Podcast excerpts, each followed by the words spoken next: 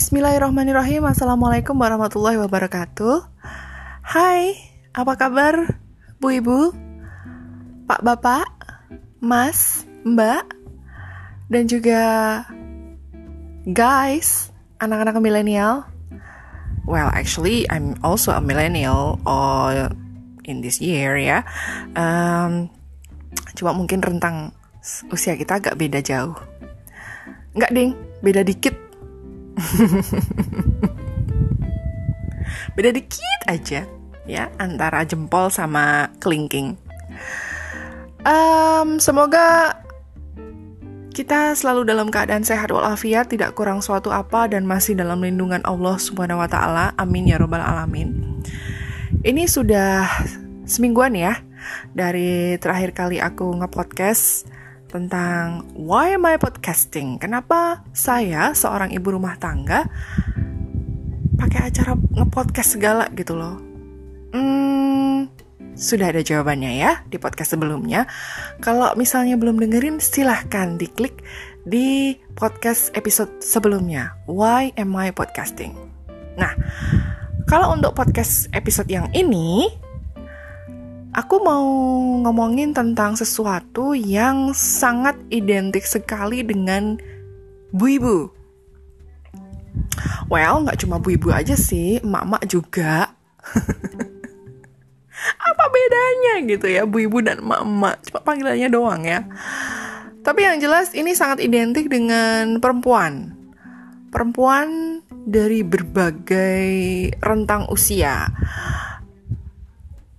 yang sudah jadi ibu-ibu, um, kemudian yang tua, lansia, kemudian identik juga dengan anak-anak muda, bahkan yang usianya masih anak-anak pun juga identik dengan hal yang satu ini, yang sangat identik dengan perempuan. What is it? Penasaran kan? Aku mau ngomongin soal daster. Wow, wow. Ini memang sangat identik sekali ya sama yang namanya perempuan, especially perempuan di Indonesia. Ya, perempuan Indonesia itu mostly pasti punya paling tidak tiga daster di dalam lemarinya, ya nggak sih? Nah, kenapa pakaian yang satu ini ini sangat identik dengan uh, ibu-ibu ya. Paling general sih ibu-ibu gitu loh. Uh, dan di Indonesia. Well kalau di negara selain Indonesia ada nggak sih yang pakai daster? Se se se se se, se. sebelumnya kita telah dulu nih ya. Daster itu apa sih? Bahasanya berat banget telah um, yang jelas kalau didefinisikan secara fashion itu nggak ada. Nggak ada definisi yang jelas secara fashion. Tapi dari segi bentuk nah dari segi bahan daster ini adalah pakaian longgar ya alias tidak tidak body shape gitu tidak mengetat di tubuh pakaian yang longgar, loose dress, berbahan ringan, ya bahannya ringan, kainnya terbuat dari kain yang ringan ya, tidak berat. Uh, misalnya corduroy gitu, nggak mungkin dong kita pakai daster corduroy gitu ya. Dasternya itu berbahan ringan, biasanya dipilih dari kain santung atau rayon ya sekarang kan bahasanya katun rayon gitu kan. Kalau dulu sih seringnya disebut sebagai bahan santung. Dan biasanya pakaian ini dipakai di rumah saja alias tidak dipakai untuk keluar rumah untuk occasion tertentu ya. Apalagi untuk bekerja untuk kantoran itu tidak mungkin. Nah ini ini adalah sesuatu yang mungkin bisa menjadi definisi sebuah uh, pakaian yang disebut dengan duster. Nah, tapi kenapa disebut dengan duster ya, by the way? Sejarah mengatakan tidak ada sejarah yang pasti mengenai kenapa kok akhirnya pakaian yang longgar ini yang identik dengan ibu-ibu ini disebut daster. Padahal sebenarnya kalau dilihat dari katanya sendiri itu kan e, menyerap dari bahasa Inggris duster, yaitu e, apa pembersih debu gitu kan. Duster atau dengan ejaan D U S T E R uh, D U S T E R atau disebut duster itu sebenarnya kalau dari zaman dulu sekitar tahun uh, 1930-an ya.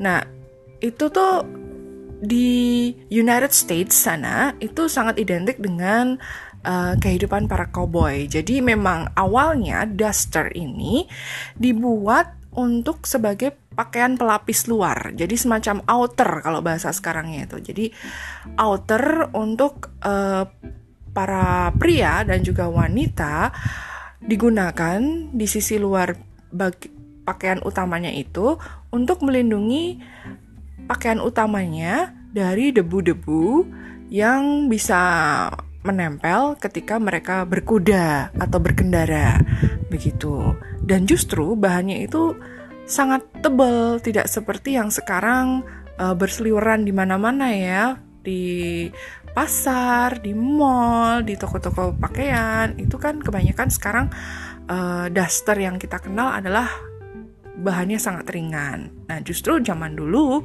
di uh, Amerika sana itu bahannya justru tebal. Nah, terus kenapa kemudian daster ini bukan lagi hanya sebagai outer? Lebih tepatnya jadi pakaian yang langsung pakai aja gitu di rumah. Apakah karena di rumah itu justru banyak debu atau gimana? Sebenarnya fungsi daster ini apakah memang bergeser dari awal mulanya diserap kata duster itu tadi atau memang gunanya ini untuk supaya lebih gampang ketika uh, kita mengenakan sesuatu yang tidak membuat kita khawatir baju kita itu terlalu banyak kelihatan nodanya ketika bekerja di rumah. Well, yang jelas yang namanya duster itu sangat identik dengan ibu-ibu dan dipakai di rumah gitu. Nah, kapan sebenarnya mulai dikenalkan konsep duster ini sebagai pakaian rumah? Sebenarnya kalau aku baca ya, uh, konsep daster mulai diperkenalkan di rumah itu di tahun 1700-an. Jadi awalnya itu sebagai pakaian tidur, pakaian tidur yang longgar disebut dengan nama negligee. Ya, negligee. N E G L I G E E gitu. Nah, bahannya bahan dari negligee ini sangat longgar, lebar dan juga panjang. Nah, negligee ini juga mungkin lebih uh, dikenal dengan nama night gown atau gaun malam, tapi bukan gaun malam yang untuk party ya, bukan party dress gitu, tapi lebih uh, gaun tidur gitu ya, sleeping gown gitu. Nah, kenapa terus kemudian konsep baju tidur yang longgar, yang lebar, yang panjang ini, yang tidak mengekang tubuh itu uh, masuk ke negara Asia? Well, ini sejarahnya yang aku baca. Jadi, mulai dikenalkan di Asia saat penjajahan Inggris di India. Nah, jadi karena perempuan-perempuan Inggris yang ikut uh, suami-suaminya itu pindah ke India, kemudian perempuan-perempuan Inggris ini menggunakan uh, negligee ini sebagai pakaian tidur, gitu. Nah, di India ini, di India sendiri Hal ini jadi barang mewah perempuan kelas atas. Nah, tentu saja para ningrat-ningrat yang ada di India mengadopsi hal tersebut. Kenapa? Karena mereka juga ingin uh, pansos lah ya, kalau zaman sekarang bahasanya, ingin membuat diri mereka terlihat seperti wanita-wanita bule Inggris yang datang ke negaranya. Dan yang kedua, alasan yang kedua adalah mereka merasa bahwa negligee ini atau night gown ini membuat pergerakan mereka itu lebih bebas dibandingkan ketika harus terlilit uh, bahan sari di tubuhnya. Begitu. Nah, jadi mulai dari sinilah sebenarnya konsep daster itu dibikin. Jadi uh, mulai dari pakaian tidur yang longgar, yang lebar, yang tidak sempit, tidak mengekang tubuh, yang sangat tidak body shape, kemudian jadi berkembang. Dan ini semacam uh, sesuatu yang membebaskan para wanita di India ya dari kekangan uh, lilitan kain sari yang panjangnya bisa sampai 5 atau 6 meter melilit-lilit tubuh mereka itu dan itu kemudian menjadi sesuatu yang uh, biasa gitu. Mereka kemudian mensimplify modelnya supaya tidak lagi terlalu panjang, supaya tidak lagi terlalu lebar, supaya mereka bisa uh, bekerja di rumah dengan menggunakan ini gaun ini tanpa harus menggunakan sari gitu. Nah, mungkin dari sinilah kemudian bisa menyebar ke negara-negara lain di Asia terutama ya. Loh, kok bisa? Ya bisa dong. Ingat nggak pelajaran sejarah zaman dulu? Bahwa zaman dulu, kenapa kok kemudian bisa ada pertukaran barang, pertukaran uh, culture gitu ya? Karena ada perdagangan uh, laut ya, perdagangan antar negara yang dilakukan dengan laut. Kemudian juga ada kolonialisme dan sebagainya Mungkin juga dari pedagang India datang ke Indonesia menawarkan, eh ini loh yang namanya negligee, nih keren kan? Aca aca keren keren gitu kan ya. Nah dari Indonesia sendiri sebenarnya tidak ada sejarah pasti kapan kemudian uh, negligee ini di di konsep menjadi sebuah daster yang sampai sekarang tetap dipunyai oleh banyak sekali perempuan di Indonesia. Gitu. Nah, siapa yang pertama kali pakai juga tidak dijelaskan sama sekali. Tidak ada sejarah di Indonesia, terutama uh, fashion yang ngomongin soal daster di Indonesia. Kapan pastinya? No one knows gitu ya. No one knows. Apakah seorang desainer yang kemudian uh, mengikrarkan bahwa ini loh desain saya yang terbaru, yaitu duster dari bahan rayon yang sangat ringan, sangat menyerap keringat, sangat isis, tidak sumuk, tidak akan membuat gerah, dan bisa membebaskan para bu ibu itu untuk bergerak sebebas-bebasnya. Tidak ada. Jadi memang nggak ada uh, tulisan sejarah yang pasti tentang fashion duster ini. Apakah kemudian di-invent di diinvent oleh seorang pembuat uh, daster dari kalangan pembatik di Solo atau misalnya di Jogja, ya kan? Apakah memang seperti itu? We don't know for sure karena memang nggak ada nggak ada tulisan pasti mengenai sejarah daster di Indonesia. Nah, tapi yang pasti, what I believe is kalau di luar negeri nggak ada terlihat jejak pemakaian daster untuk daily outfit, jadi di Indonesia itu mungkin adalah the one and only negara yang sebagian besar penduduk perempuannya itu memakai daster untuk beraktivitas sehari-hari, bahkan untuk tidur. Ya nggak? Ya kan? Ya nggak? Setuju ya? Setuju ya? See, like this uh, hampir semua wanita di Indonesia di berbagai kalangan, mulai kalangan atas, menengah, bawah, entah itu dari istri pejabat, wanita pengusaha, profesional, selebritis, uh banyak ya. Kemudian ibu rumah tangga kayak aku, bahkan aku nggak podcast nih juga lagi pakai daster loh. Um, pedagang di pasar, dan mungkin juga ABG-ABG, cabe-cabean. Bahkan sampai anak-anak kecil, anak-anak usia balita begitu ya.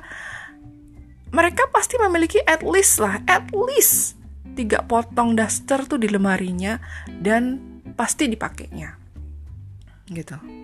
Nah, tentu tapi pasti ada perbedaan dong di uh, bagian harganya, modelnya, bahkan ukurannya itu sesuai dengan kantong masing-masing gitu ya. Kalau kita cerna, kita telaah, kita teliti baik-baik, itu range harga daster itu bisa mulai dari 15.000 sampai 200.000. Itu ada loh. Jangan salah. Daster loh ya. Nah, bahkan yang sekarang ngetren itu disebut dengan home dress tidak mau lagi disebut daster karena kesannya daster itu sangat emak-emak. Makanya di sekarang yang ngetren nih, apalagi semenjak uh, pandemik corona gitu ya, banyak yang menjual dengan judul home dress atau pakaian rumah. Padahal sebenarnya konsepnya sama aja sih, daster, yaitu pakaian longgar yang tidak mengetat di tubuh tidak body shape yang sangat longgar, bahkan lingkar dadanya sendiri kadang melebihi lingkar dada uh, si pemakainya. Panjangnya bisa selutut, bisa sampai semata kaki dengan berbahan yang ringan tapi tidak terawang dan tidak memperlihatkan uh, bagian-bagian tubuh yang memang harus ditutupi. Gitu. Itu yang terjadi di Indonesia. Nah, apakah dirimu juga jadi salah satu pemakai daster? Atau pak bapak nih yang lagi dengerin Coba deh dihitung koleksi daster istrinya Ada berapa coba? Hah? Lima? Sepuluh? Kenapa ya? Kok koleksi daster bisa sampai bisa sampai banyak banget gitu? Ya melebihi koleksi gamis atau mungkin melebihi koleksi tunik, melebihi koleksi t-shirt. Nah, ini nih jadi salah satu hal yang mungkin ditanya banyak orang atau mungkin juga suami-suami sendiri nih yang bertanya. Kenapa sih harus beli daster? Gitu, ya kan? Kenapa sih harus beli daster? Ya kan? Nah, Salah satu jawaban yang muncul pasti karena harganya sangat terjangkau alias murah, murce, marice. Hmm. Kenapa kok bisa murah? Pertama, karena bahannya sangat ringan. Jadi bahan ini ada bermacam grade ya kalau kita ngomongin rayon atau santung ini ada bermacam-macam grade. Grade yang sangat ringan dan tipis dan kalau dicuci mengkeret itu juga ada. Itu biasanya sangat murah. Ya. Terus juga ada rayon yang lembut yang tipis tapi tidak terawang juga ada. Kemudian ada juga grade rayon yang uh, agak sedikit tebal tapi agak bulky atau berbulu gitu loh. Jadi kalau udah di dicuci itu biasanya serat-seratnya tuh agak ya kayak kayak ada bulu-bulunya kayak gitu. Itu juga ada. Nah, ada juga rayon yang uh, sangat sangat nyaman dipakai. Jadi adem gitu. Dipakainya tuh kena kulit itu adem gitu. Tuh ada juga. Uh, dan sekarang ada juga campuran rayon viscose itu juga lembut dan adem dan kesannya jatuh dan sedikit uh, lux gitu ya. Nah biasanya kalau yang rayon viscose atau viscose ini dihargainya agak sedikit tinggi gitu, bisa sampai 200 ribu bahkan bisa sampai 300 ribu gitu. Kalau dengan bahan lain ada nggak? Ada dong. Jangan dikira daster itu hanya berbahan santung atau rayon saja seperti yang aku bilang tadi ada viscose, terus ada juga silk. Jangan salah, ada daster silk atau semi silk, semi sutra gitu kan. Tentunya uh, ini target marketnya tentunya bukan ibu-ibu yang uh, setiap hari harus ngapu, ngepel, nyebokin anak, tentunya bukan seperti itu ya. Tapi mungkin target market untuk daster silk ini adalah ibu-ibu pejabat, wanita pengusaha, misalnya seperti itu, atau selebritis, atau anak sultan barangkali. Nah, itu. Jadi setiap orang pasti punya uh, koleksi daster sendiri-sendiri, tapi tentunya disesuaikan dengan kemampuan beli mereka. Mereka jadinya mereka daya beli mereka pasti akan berbeda. Daya beli perempuan Indonesia mengenai daster itu pasti berbeda. Ada yang memang suka daster yang yang murah-murah aja deh, yang 15 ribuan atau yang uh, 100 ribu dapat tiga misalnya kayak gitu. Kenapa? Ya karena memang cuma daster sih dipakainya di rumah aja. Yang lihat juga paling aku, suamiku, keluargaku di rumah. Ya udah. Alasannya biasanya seperti itu, simple. Tapi ada juga yang aku nggak mau dong, das meskipun itu daster, tapi kan aku harus dapat yang bagus gitu kan, dapat yang yang mewah gitu loh kelihatannya. Aku mau bahannya yang sangat-sangat uh licin di kulit dingin gitu. Aku maunya yang semi silk atau yang silk sekalian yang halus gitu. Jadi aku pun juga kalau kalau misalnya tidur tuh nyaman gitu. Jadi dia memang pakai daster cuma buat tidur doang gitu. Ini kategori anak sultan ya karena dia pasti nggak mungkin dong nyapu nyapu ngepel ngepel ya ngelap ngelap kaca jendela itu nggak mungkin. Jadi dia butuh sesuatu yang membuat dirinya itu nyaman ketika ya tidur aja kayak gitu. Nah, yakin deh pasti punya deh salah satu temen yang seperti itu. Gak usah, gak usah nyangkal deh. Atau mungkin salah, atau mungkin di kau yang lagi dengerin ini, ya kan? Pengen punya daster silk, ya kan? Uh, ngaku. Uh, nah, kenapa sih mintanya harga yang murah gitu ya kan? Ya itu tadi karena pertama alasannya itu cuma dipakai di rumah aja ya udah yang murah aja gitu. Apalagi kalau misalnya belinya di pasar ya kan?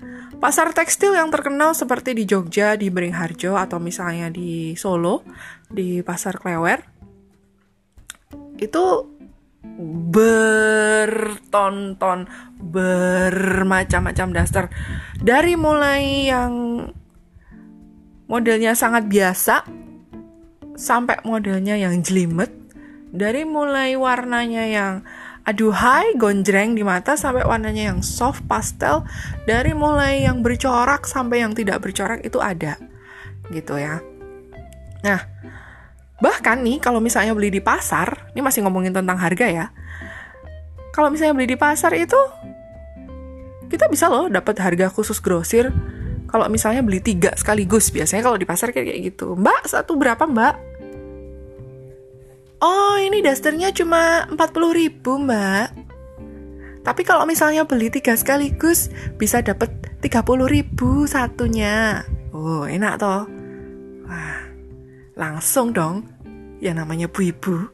Dapat diskonan. Wah borong. Ya sudah saya mau yang motif ini ini ini Langsung ya, tiga. Jadi 100 ribu dapat tiga. Jreng. Langsung di lemari punya tiga daster sekaligus baru.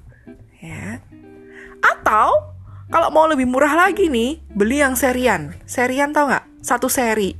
Nah, satu seri itu biasanya dasternya ada satu model tapi dengan lima warna yang berbeda, 5 sampai 6 warna yang berbeda. Nah, bahannya sama, modelnya sama, tapi warnanya berbeda. Satu seri itu biasanya disebut seri itu seperti itu. Jadi satu seri ada warna merah, kuning, hijau, biru, pink.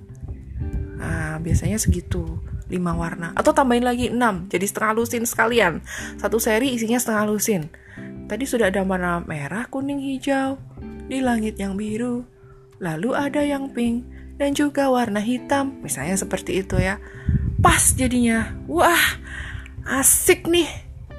200 ribu langsung dapat 6 sekaligus. Jreng, masuk ke lemari buat gonta-ganti, ya nggak? Belum tentu di toko dapat segitu ya nggak sih? Hmm, apalagi di mall Makanya biasanya ibu-ibu atau misalnya perempuan-perempuan itu lebih seneng hunting daster itu kalau misalnya lagi ke pasar karena bisa dapat harga lebih murah, bisa ditawar lagi. Ya nggak sih? Nah, ibu-ibu loves it a lot.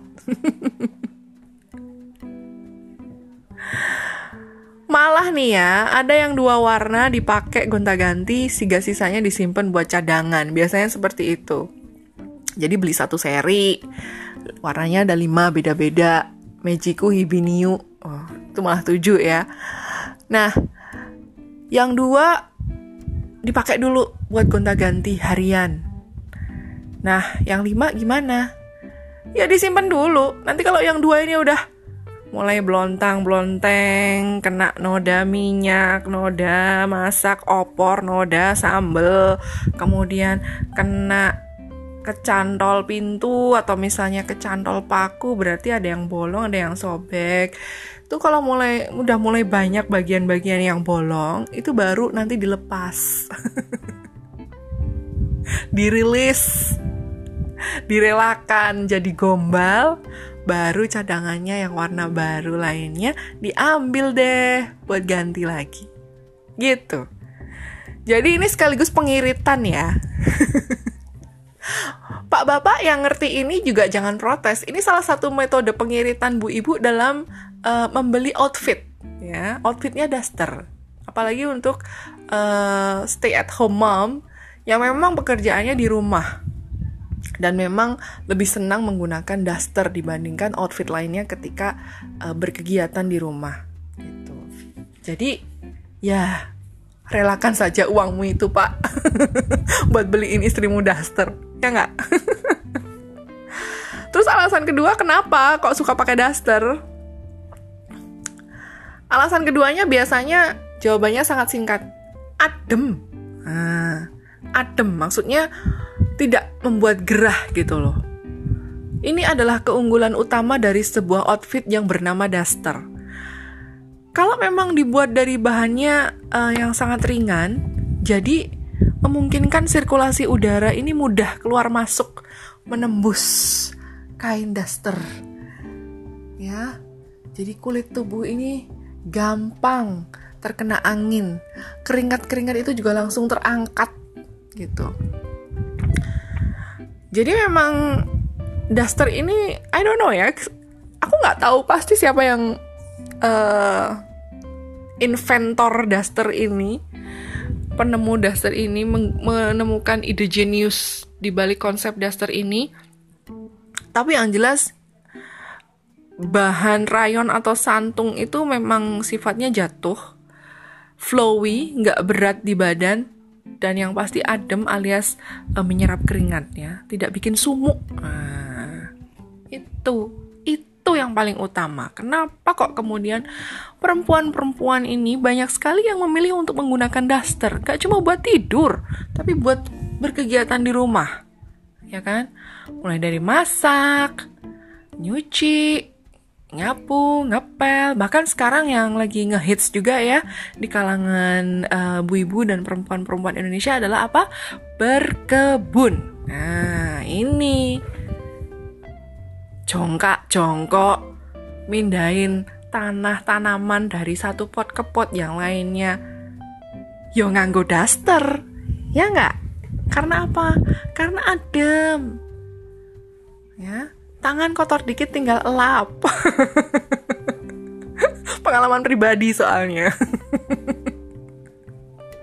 Coba kalau kita berkebun pakai tunik ya nggak? Masak pakai tunik aduh aduh tangannya kecipratan aduh tangannya kena ini nih pasti ribet nyari serbet ya nggak hmm, nggak daster dengan tanpa babi busa sisu langsung lap Jadi fungsi dasar itu ya memang seperti yang tadi. Dari awal dibilang penyerap debu, penyerap kotoran, duster. Jadi fungsinya adalah dusting. Alias sebagai serbet. Enggak ya, mungkin hanya beberapa orang aja yang kayak gitu. Contohnya aku misalnya. jujur banget sih nih. Tapi kalau misalnya memang seperti itu ya ngaku aja. Dan aku yakin banyak yang seperti itu. Jadi habis megang apa misalnya atau misalnya yang gampang aja deh. Habis cuci tangan, habis cuci tangan, terus habis itu aduh, nggak nemu anduk, nggak nemu serbet, nggak nemu elap. Ya udah, dilapin aja di daster. Kering deh, ya kan? Multifungsi. Oke, okay, next. Alasan lain kenapa kok banyak perempuan memilih pakai daster? Wah, Mbak, kalau pakai daster tuh rasanya longgar, bebas. Nah, itu yang banyak dijadikan jawaban oleh teman-teman saya. Bebas enak loh, nggak sesek, nggak sempit, bisa ngapa-ngapain aja. Ya, pokoknya bebas deh. Dan ini memang bener sih, aku juga mengakui bahwa kalau pakai daster itu rasanya longgar, bebas, gitu kan. Aku nggak tahu kenapa. Meskipun aku sudah memilih uh, ukuran yang pas gitu kan di aku, biasanya kita pakai lingkar dada ya, atau uh, size S, M, L, XL, XXL kayak gitu tapi tetap aja kita pasti akan mencari yang longgar, yang lebih longgar di bagian ketek terutama, bagian perut gitu terutama. Nah. Dan uh, bagian lebar bawahnya itu karena supaya memudahkan kita untuk uh, jalan. Karena kalau misalnya di bawahnya itu menyempit, itu juga agak susah buat kita uh, jalan biasa. Apalagi kalau yang uh, kerjaannya banyak gitu di rumah. Nah, sebenarnya apakah daster itu selalu longgar? Well, sebenarnya nggak juga sih. Sebenarnya ada juga daster yang modelnya itu dibikin ngepas di badan. Jadi sebenarnya ini sih kalau menurutku dibikin ngepas di badan itu karena supaya lebih fashion aja sih, lebih stylish aja gitu. Kan ada tuh uh, daster atau misalnya gini, ada perempuan yang tidak mau memakai daster karena itu identik dengan baju rumahan. Baju di dalam rumah, baju untuk tidur. Ya, jadi memang ada perempuan yang seperti itu. Jadi dia memang ogah pakai daster. Nah, ketika si daster ini disulap dengan dibentuk secara body shape gitu. Jadi membentuk tubuh perempuan ini mau pakai dan dia pakai dengan PD-nya keluar dari rumah. Jadi ya entah itu cuma untuk main ke tetangga atau misalnya mau beli sampo di warung depan misalnya seperti itu. Nah itu ternyata uh, menjadikan si perempuan ini mau memakai baju dari bahan yang sama dengan daster tapi dengan model yang lebih stylish yang lebih body shape gitu ya menurut mereka. Nah, kan ada tuh uh, model smock. Smock tahu ya model smock yang kerut-kerut gitu loh. Nah, entah itu ada smocknya di pinggang atau smocknya di bagian perut, jadi uh, terlihat lebih langsing di situ dan tidak gombrong-gombrong gitu ya, tidak seperti go, uh, daster pada umumnya. Nah, biasanya ABG-ABG nih yang suka kayak gini atau misalnya anak SMA, anak kuliahan tuh biasanya yang suka juga model seperti ini yang uh, lebih body fit kayak gitu. Ya, kenapa?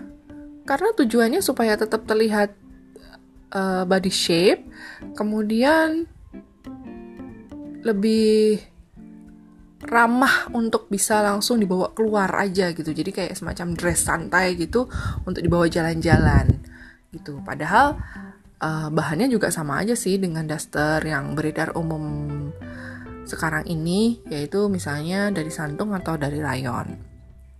Nah, banyak perempuan yang memberikan alasan bebas isis, longgar, nggak sumuk, dan fleksibel itu menjadi alasan utama mereka juga untuk memilih daster. Bahkan uh, karena kebebasannya ini, aduh gimana ya bahasanya ya? Karena efek yang diberikan daster ini bisa membuat kita lebih bebas bergerak. Nah, ini untuk para stay at home mom itu bisa istilahnya bisa pencak silat ya di dapur. kalau di dapur itu kan pasti banyak banget yang harus dilakuin ya, mau masak gitu kan. Apalagi kalau uh, ibu-ibu yang doyan masak banyak gitu kan pasti banyak yang harus disiapin. Nyincang inilah motong inilah ngejus inilah ngeblender inilah numis inilah ngukus itulah bakar inilah baking inilah. Nah ini kan pasti butuh pergerakan yang sangat lincah gitu di dapur. Nah kadang-kadang bu ibu itu lebih nyaman menggunakan daster ketika dia pencak silat di dapur itu tadi. Di bagian rumah mana pun juga jadi bebas gitu. Cekatan. Nah, terengginas itu bahasanya. Contoh nyata deh contoh nyata ini uh, my mom ibuku deh. Ini contoh nyata justru ini pengakuan beliau sendiri. Justru kalau pakai baju bener baju bener emang daster nggak bener? Maksudnya pakai baju rapih gitu ya pakai baju rapi uh, celana panjang terus pakai tunik atau blus panjang kayak gitu. Beliau merasa nggak bisa kerja di rumah. Nggak bisa yang namanya nandangi gawean ngomah tuh nggak bisa. Beliau lebih memilih langsung berganti dengan daster dan seketika itu juga beliau merasa punya super power super power untuk kemudian menjadi cekatan gitu. Tapi emang bener, it's it's reality in the real life dan aku lihat sendiri gitu loh. Memang kalau di rumah kalau udah pakai daster itu jadi gitu bahasanya ya. And I do really feel the same way too. Entah itu contagious, menular, atau memang sugesti dari pikiran kita sendiri, atau gimana, aku nggak tahu. Tapi yang jelas, aku sendiri kalau misalnya harus uh, di rumahku sendiri, kemudian melakukan pekerjaan rumah yang nggak cuma satu, tapi banyak, itu aku lebih memilih untuk memakai daster. I don't know ya itu tadi alasannya. Pertama karena longgar bebas bergerak dan uh, sirkulasi udaranya itu gampang gitu loh ya. Gampang keluar masuk jadi tidak bikin sumuk gitu. Hmm, tidak sampai yang berkeringkat sejagung-jagung gitu nggak? Gitu. Itu alasannya. Nah jadi aku sendiri juga ngerasa bahwa this is my superpower outfit. Nggak perlu pakai kostum seksi kayak Wonder Woman tapi kalau pakai daster tuh udah gue strong man. Gue bakoh gitu loh bisa ngelakuin semua kerjaan rumah ya nggak sih? Semacam nggak ada rasa khawatir gitu kalau dasternya tuh kena debu ketumpahan air bahkan seperti yang aku bilang tadi bisa jadi lap sekalian Jadi bisa dibilang yang namanya daster itu semacam cerminan, cerminan seorang wanita yang rajin dan cekatan dalam urusan kerja domestik. Wow. Setuju? Setuju Bu Ibu? Setuju ya? Oke deh. Ah, mau lanjut nggak? Kita lanjutin di episode berikutnya aja ya. Tetap bakalan ngomongin soal daster. Karena sekarang, malam ini, aku pengen banget bobo pakai daster yang nyaman banget. Okay? I'll see you again on my next podcast. Don't miss it. Bye.